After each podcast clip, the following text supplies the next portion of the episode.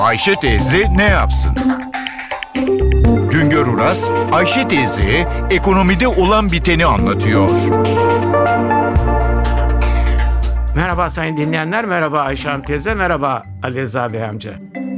Başbakanımız geçtiğimiz günlerde 5 yıl aradan sonra Brüksel'e gitti. Avrupa Birliği yetkilileriyle masaya oturdu. Basit anlatımıyla Avrupa Birliği yetkililere ne oluyor bizim ilişkilerimizin durumu? 51 yıldır Avrupa Birliği kapısında bekliyoruz. Daha ne kadar bekleyeceğiz diye sordu. Biz Avrupa Birliği'ne tam üyelik yolunda ilk imzayı 1963 yılında attık. Oldu olmadı derken aradan yıllar geçti. 2005 yılında Türkiye'nin peşine Hırvatistan'ı kattılar. İki ülke için tam üyelik müzakereleri başladı. İki ülke birlikte tam üye olacaktı. Hırvatistan ile müzakereler tamamlandı. Hırvatistan tam üye oldu. Biz ise müzakerelerin hala başındayız. Bu durumda suç kimde? %50 %50. Hem onlarda hem bizde. Avrupa Birliği ülkeleri bizi suçluyor, biz ise onları suçluyoruz. İki tarafta birbirini suçlayarak gelişmenin önünü kapatıyor. 2005 yılı sonunda müzakere çerçeve belgesi kabul edildi.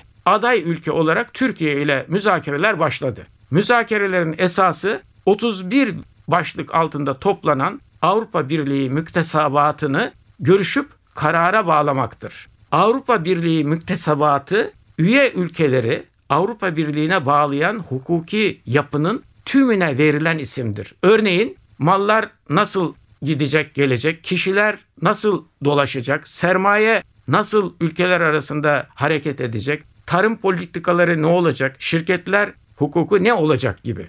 Her bir başlığın açılması veya geçici olarak ve de daha sonra da kesin olarak kapatılması için tüm Avrupa Birliği ülkelerinin mutabakatı gerekiyor. Bugüne kadar sadece 14 başlığın açılmasına, sadece bir başlığın geçici olarak kapatılmasına izin verildi. Bakanlar Kurulu'nda yapılan son değişiklikle deneyimli bir isim baş müzakereci olarak belirlendi. Başbakanımız 5 yıl sonra Brüksel'e gitti.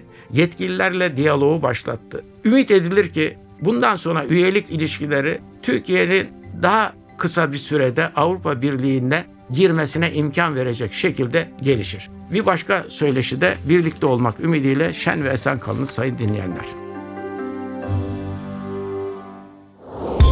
Güngör Uras'a sormak istediklerinizi ntvradio.com.tr adresine yazabilirsiniz.